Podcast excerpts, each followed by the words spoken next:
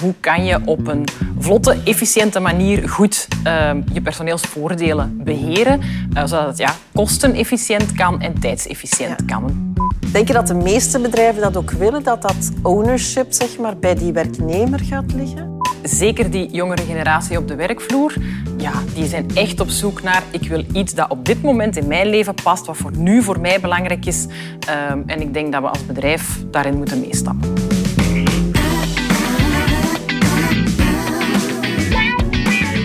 Luistert naar de HR Magazine podcast. Een bekende journalist interviewt twee experts over een actueel HR-thema.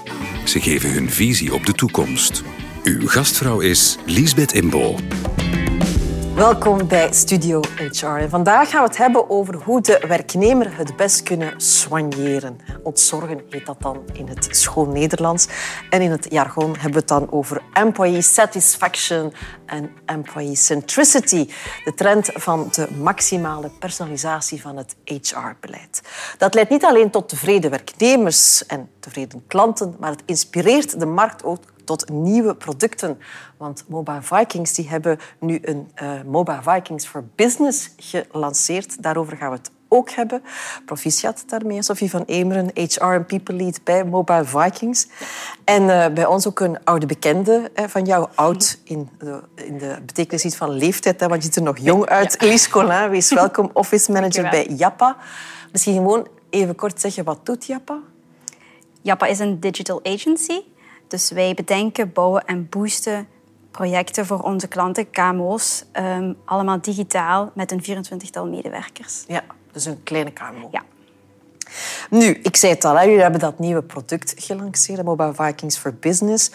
Waarom gooien jullie zich ook op die markt? Want daar zijn al andere spelers. Hè? Ja, ik denk in eerste instantie omdat we een KMO zijn, dus heel goed begrijpen wat KMO's nodig hebben. Um, en dan specifiek die KMO's die, zoals ons, nadenken over employee centricity, employee satisfaction. Um, hoe kan je op een vlotte, efficiënte manier goed um, je personeelsvoordelen beheren, uh, zodat het ja, kostenefficiënt kan en tijdsefficiënt ja. kan. Ik denk dat dat twee dingen zijn die heel belangrijk zijn voor, uh, de gemiddelde KMO. Maar waarin maak je dan het verschil? Want die anderen zullen ook wel beweren dat ze efficiënt zijn en dat ze die werknemer tevreden gaan stellen met een, bijvoorbeeld een fijn telco-abonnement. Ja, ik denk dat we daar toch echt een, uh, een differentiërend uh, product in de markt gezet hebben, um, waar dat we de mogelijkheid bieden om heel gemakkelijk in drie klikken uw bedrijf aan te maken, in twee klikken uw medewerker aan te maken, um, heel flexibel in te zetten op welke medewerker heeft welk product nodig. Um, heel transparant, heel open. Um, ik denk dat, ja, dat er toch nog een gat in de markt zat waar dat we zijn, uh, zijn ingesprongen. Ja. Maar je zegt inderdaad welk product, welke medewerker hè, dat, dat dan op elkaar kan matchen. Is het dan echt als een soort maatwerk dat je verschillende opties kan aanduiden? Ja. Per werknemer? Ja die medewerker die heel veel buitenshuis is, heel veel gigabytes nodig heeft, die zet je op een unlimited abonnement. De medewerker die eerder vaker op kantoor is en eh, niet per se dat dure abonnement nodig heeft, ja, die geef je een passend abonnement bij de functie die eh, die, die persoon ja. bekleedt. Lies, is dat iets waar bedrijven naar op zoek zijn? Want ik kan me wel inbeelden hè, vanuit jouw functie dat het misschien gewoon makkelijker is. Uh, iedereen het basispakket en als er al eens een uitzondering moet gemaakt worden, dan zien we wel. Ik vind dat op zich gemakkelijk. Iedereen hetzelfde. Dat gaat ook sneller. Maar wij kijken ook wel naar de noden van de werknemer persoonlijk. En dan vind ik het fijn dat wij uitzonderingen of dat zij zelf uh, keuzes kunnen maken waar ik dan niet per se in mee moet gaan. Uh, ja, ik vind dat wel een voordeel. Zij worden eigenlijk beheerder van hun eigen abonnement. Want vaak is het het bedrijf dat beheerder is hè, van het abonnement. Ja, klopt. En daarin proberen we het verschil te maken dat zowel het bedrijf kan differentiëren per medewerker, maar ook de medewerker zelf kan zeggen deze maand weet ik dat ik op vakantie ga en ik heb wat meer nodig. Uh, dus ik, ik, ik, zet even een bundeltje extra bij. Uh, dus die flexibiliteit kan aan twee kanten gegeven worden uh, in alle ja. transparantie. Denk je dat de meeste bedrijven dat ook willen, dat dat ownership zeg maar, bij die werknemer gaat liggen? Ja. Ja? Toch. Daar denk in de KMO, Nee, zeker binnen KMO's. Want daar, um, zoals bijvoorbeeld voor mezelf, ik beheer de fleet, de telco, de, ja, noem het op. Alles komt bij mij terecht, al de vragen. Dan zou ik het wel fijn vinden om te zeggen, wil je graag iets aanpassen? Doe maar. Ja. Um, het is dan ook belangrijk, denk ik, inderdaad, want uh, de ene maand heb je meer nodig dan de andere, dat het zeer flexibel is. kan je echt op maandbasis zaken gewoon constant herschikken. Ja, klopt. En het bedrijf kan dat kiezen en de medewerker zelf kan dat, eh, kan dat kiezen. En we hadden het net over, is daar dan echt nood aan? Ik denk zeker die jongere generatie op de werkvloer, ja, die zijn echt op zoek naar ik wil iets dat op dit moment in mijn leven past, wat voor nu voor mij belangrijk is. Ehm, en ik denk dat we als bedrijf daarin moeten meestappen. Ja. Normaal gezien, als je een, uh, een vlucht boekt, als we ooit nog eens vluchten Ja. willen boeken, ehm, dan is meestal het meest flexibele het duurste optie. Als ik wil kunnen mijn vlucht verzetten eh, wanneer ik maar wil, van welke luchthaven ik maar wil, dan dat kan als ik er extra voor betaal. Als jullie zo op die B2B-markt willen komen, dan moeten jullie natuurlijk wellicht ook heel hard letten op prijszettingen. Kan je beiden aanbieden, namelijk super flexibel, super op maat, maar toch ook proberen toch, eh, de goedkoopste van de bende te zijn? Ja, we slagen daarin. We kunnen ons product op deze moment eh, tot 33 procent goedkoper aanbieden dan, eh, dan de conculega's. En ik denk dat dat opnieuw Met is. dezelfde kwaliteit? Ja, ja, ik denk zelfs te kunnen pretenderen met een betere kwaliteit. Zeker als het neerkomt op customer service, bereikbaarheid enzovoort. Dat we daar absoluut de beste in de klas zijn.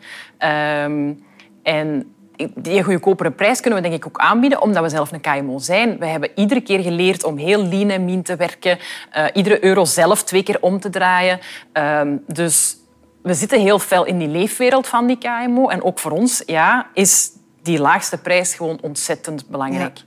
Is dat iets waar jullie op letten? Of is inderdaad meer zaken als customer service, eh, als ik bel naar de klant? Waar let een bedrijf op als je gaat kijken, bijvoorbeeld nu het telco-abonnementen, Ja. Hoe- gaan wij dat eh, aanbieden aan onze werknemers? Ik kijk vooral naar de prijs en dan de service. Maar als er in die end een beslissing genomen moet worden, dan geeft de prijs meestal de doorslag. Ja. En dan betekent dat misschien iets meer werk voor mezelf. Maar om toch zo de kosten te kunnen beperken, wordt er, ja, wordt, weegt de prijs wel zwaar door. Dus als de zaken vergelijkbaar zijn, dan, ja, dan Ja. En heb je het gevoel dat je dat inderdaad soms moet bekopen met customer service? zeker, ja. Meerdere malen al voorgevallen, ja. Ja. Want jullie outsourcen dat niet. Hè? Ik bedoel, dat is in België, de customer service. bij dat ons is in in landen niet. op hè? kantoor. Dus en niet eh geoutsourced naar een ander bedrijf. Ik bedoel, dat zijn echt onze eigen medewerkers eh, die, ik ging zeggen bij ons op kantoor zitten, niet die vandaag in hun eigen living onze customer Ja, ja, dat service is- aanbieden eh, aan, aan onze vikings. Ehm, en we gaan wel ons customer care team een stukje opsplitsen. Dus dat die vragen van de medewerker komen gewoon rechtstreeks zoals vandaag ehm, terechtkomen bij onze grotere customer care afdeling. En dat er een aparte lijn opengezet wordt specifiek voor de vragen vanuit de werkgever. Dus dat die Ehm, een beetje een priority lane dan, om in de vliegtuigtermen te blijven? Ehm, nee, want we hebben zelden wachttijden. Eh, als je naar ons belt, dan word je direct geholpen. En eh, allee, wij slagen erin om, ik denk dat gemiddeld binnen de acht seconden te antwoorden is, zonder IVR. Dus je moet bij ons ook niet eerst een toets in, induwen. Ehm, dus nee, geen priority lane, maar het zijn soms ander type vragen. Dus onze care agents gaan getraind worden op een andere insteek van naar een product kijken en dus op die manier sneller de juiste antwoorden Ja. te hebben. Dat brengt ons bij dat idee waar we het in het begin over hadden. Dat gaat over te zorgen dat de werknemer gelukkig is, gesoigneerd wordt, eh, dingen op maat kan vinden. Ehm, ik zei het al, want een gelukkige werknemer levert ook een gelukkige klant op. Ja. Ik denk dat dat de hoofdreden is waarom we ook al jaren inzetten op onze bedrijfscultuur, onze employee satisfaction. Eh, omdat we er heilig van overtuigd zijn dat een gelukkigere medewerker inderdaad zorgt voor een gelukkigere Merk bij dat? ons. Want we proberen het woord klant te vermijden. Eh, maar eh, ja, En hoe merk je dat? Of hoe meet je dat zelfs? Ja, we meten eh, onze employee satisfaction iedere twee weken. We hebben korte pulse surveys dat we checken hoe gaat het met ehm, het engagement, het commitment, het, het well-being eh, van, eh, van onze medewerkers. En, eh, en we meten hetzelfde op customer satisfaction, dus met onze, hoe tevreden onze vikings zijn. We hebben in het verleden wel een keer wat moeilijkheden als bedrijf gehad. En dan zie je dat die één op één aan elkaar gecorreleerd zijn. Op het moment dat uw klant ontevredener is, belt die ontevredener, die medewerker krijgt dat over zich. Ehm, dus daarmee omgaan, uw medewerkers ondersteunen, eh, middelen, tools geven om er stevig te staan en er gelukkig te staan, gaat ervoor zorgen dat je ook die resultaten op die externe markt weer terug... Dus het is eh, eigenlijk een wisselwerking. Eigenlijk eh, van die vaten, Communicerende vaten. Ja, ik kon er niet op ja, komen. dat zien onze resultaten ook. Merken jullie dat ook? Ja, heel zeker. Ik ben ervan overtuigd dat de company culture dat zich dat afstraalt in onze medewerkers met de projecten die wij doen. Wij zien dat bijvoorbeeld ook als wij bijvoorbeeld vacatures openstellen, dat daar regelmatig wel eens iemand is die bij een klant ooit gewerkt heeft, bij ons solliciteert, omdat die dan dat aanvoelen, dat dat wel een match zou kunnen zijn. Dus ik vind dat ook heel belangrijk. Ja. En merk je dat dat ook eh, meer en meer inderdaad aan belang wint? Dat die satisfaction, die tevredenheid van die werknemers centraler moet komen staan? Ja, vooral met de, met de pas afgestudeerde mensen. Ik, vind dat, uh, ik merk dat ze meer op zoek zijn naar een match met het bedrijf dan naar een match met effectief wat ze gestudeerd hebben. Dus, uh, ja. En hoe zetten jullie daar dan op in? Behalve dan kijken naar een goed abonnement met de telefoon? Ja, dat gaat heel breed. Hè. Flexibiliteit van werkuren, um, flexibiliteit van um, fleet, wat we aanbieden. Wij hebben ook een leuk kantoor ingericht. We hebben een ballenbad. Bijvoorbeeld. Een ballenbad? Niet dat dat de doorslag geeft. Ikea. Zoiets, ja. Nee, ja, we hebben een leuk ingericht kantoor. Zo van die zaken, dat helpt. Hè. Dat, ja.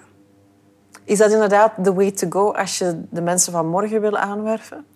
Absoluut. En ik denk dat dat ook iets is dat de, de coronacrisis heeft blootgelegd. Bedrijven die daar het welbevinden en de satisfaction van hun medewerkers centraal gesteld hebben, ehm, dat die het gaan overleven in de War for Talent. En die bedrijven die vanuit een controle en mensen moeten op kantoor en we moeten zien of ze werken. Ik denk niet dat die het nog heel lang uh, gaan overleven. Ja. ik denk dat dat een, een, shifting geweest is het voorbije jaar in welke bedrijven op welke manier zijn omgegaan met hun medewerkers. Ja. Maar hoe ver ga je daarin? Dat is een moeilijke balans. Um, maar ik ga er altijd van uit dat je geen regels moet opstellen voor de 3% uitzonderingen, maar dat je regels moet opstellen voor de 97% die zich wel aan de regels houden of op een goede manier mee omgaan. Uh, in dat thuiswerk ook. Je moet vertrouwen hebben in je medewerkers en dan krijg je dat ook terug. Uh, ja. ja. Want is het, is het makkelijker of moeilijker om die werknemers centraal te stellen als je een kleiner, jong bedrijf bent? Ik denk dat dat voor elke grote bedrijf Allee, dat dat het lijkt mij makkelijker voor een groter om meer dat maatwerk te doen, omdat er dan toch al meer van dezelfde zullen zijn, bij manier van ja, ja, nee, ik denk niet dat dat per se meespeelt. Ik denk dat het vooral de insteek is. Hoe staat je daarin als werkgever? En ja, waar wilt je toegeven? Of het is pitje geven en nemen altijd. Hè? Ja. Hebben jullie ook een ballenbad? Nee, maar we hebben ook heel leuk ingerichte kantoren. Uh, met, uh, we hebben een Milky Way, waar dat een koe staat en groene, groene tapijten liggen. Dus voilà, we hebben ook wel een heel leuk kantoor. We hebben een vikingboot staan, dat is ook plezant. Maar ja, natuurlijk nu is dat er allemaal niet. Nee. Hoe, voel, hoe vul je dat dan voldoende in?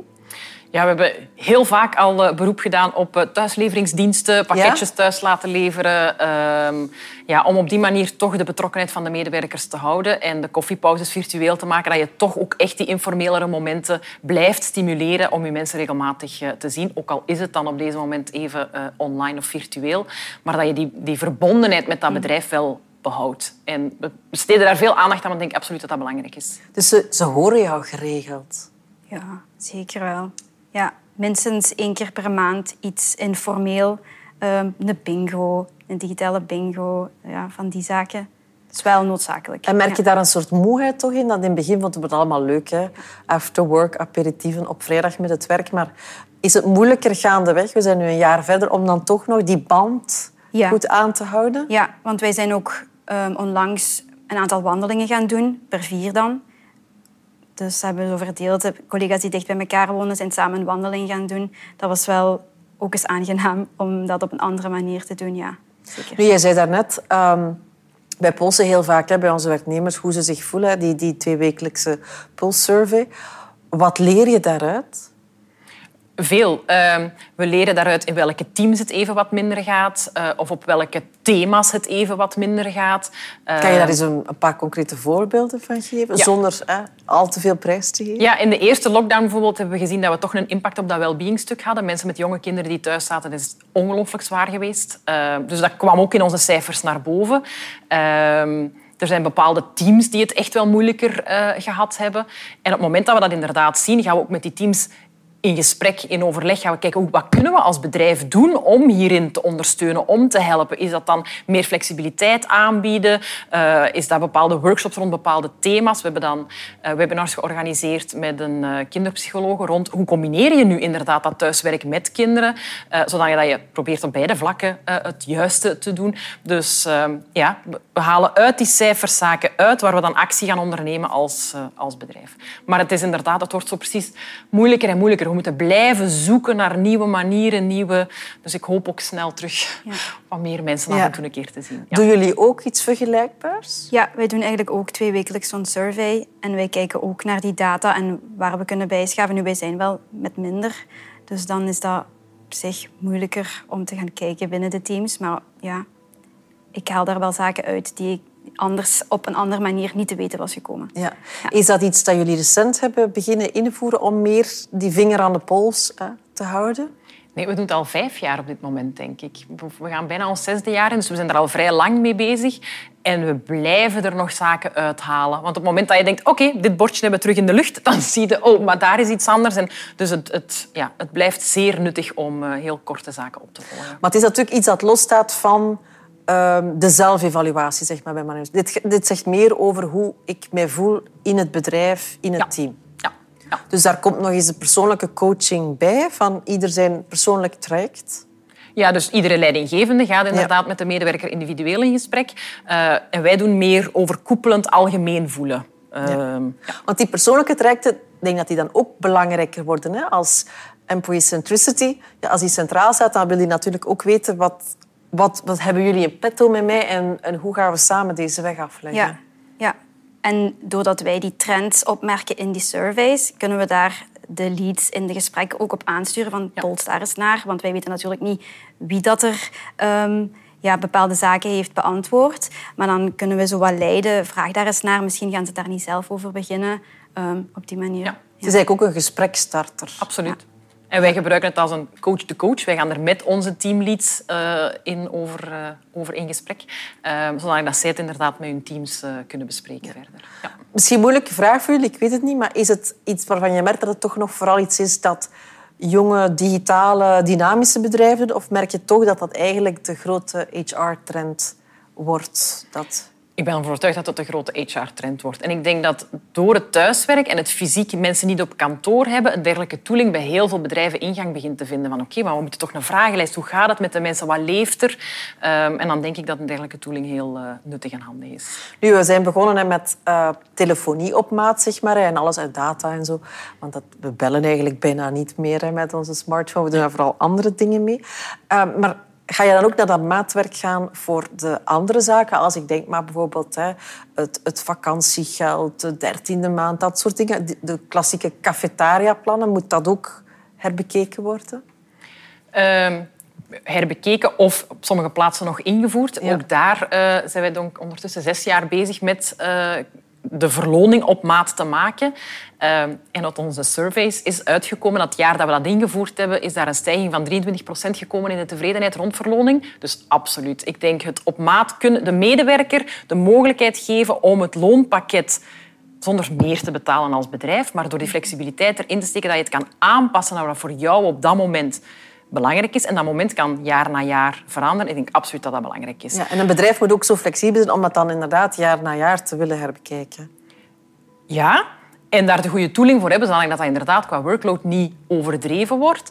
Maar er zijn momenten in je leven dat je meer nood hebt aan cash. Er zijn momenten dat je meer nood hebt aan verlof. Dat je een grotere auto nodig hebt, want je gezin is groter geworden. Dus, en dat al die zaken kunnen in een dergelijke tooling zonder te veel administratieve last bij de HR-verantwoordelijke te leggen. Uh, ja, ik ben daar absoluut een fan ja. van. Ja. Hoe ver gaan jullie daar al in? Wij staan daar nog niet zo ver in als bij Mobile Vikings. Maar wij proberen binnen de mate van het mogelijke, het loonkader dat we hebben, um, zaken aan te passen op de noden van de persoon in kwestie. Ja. Ik kan me wel inbeelden, dat klinkt allemaal geweldig, maar dat jij af en toe, Lies, misschien wel thuis eens zegt van echt waar, ik wil dat ook eens op maat van mij begint te gebeuren, want ik ben hier wel echt iedereen zijn ja. bordje aan het ja. houden. Ja, en dan komt zo'n voorstel als dat van Mobile Vikings echt mooi uit de lucht vallen. Minder werk voor mij en toch die werknemers die tevreden zijn. Ja. Ja. Want ik kan, heb je het soms ook wel dat gevoel van... Ja, ik bedenk wel heel veel voor de anderen, maar het maakt mijn job misschien wel boeiender, maar misschien ook complexer? Ja, vandaar dat ik... Die tooling is voor mij altijd heel belangrijk. En eender welk voordeel of wat dan ook dat we willen flexibiliseren, uh, wil ik dat daar een handige tooling met een gemakkelijk dashboard met een paar klikken. Uh, Zodat zaken... we allemaal eerst op cursus moeten voor we het kunnen gebruiken. Net niet. Ja. Want die tooling moet zo intuïtief zijn dat er ook geen opleiding intern voor nodig is om ze te kunnen gebruiken. En die bestaan, die tools. Uh, ja. ja, helemaal voor. Schaf de opleiding af, zodat we gewoon meer kunnen leren op andere manieren. Maar ik jullie allebei hartelijk dank. Hè.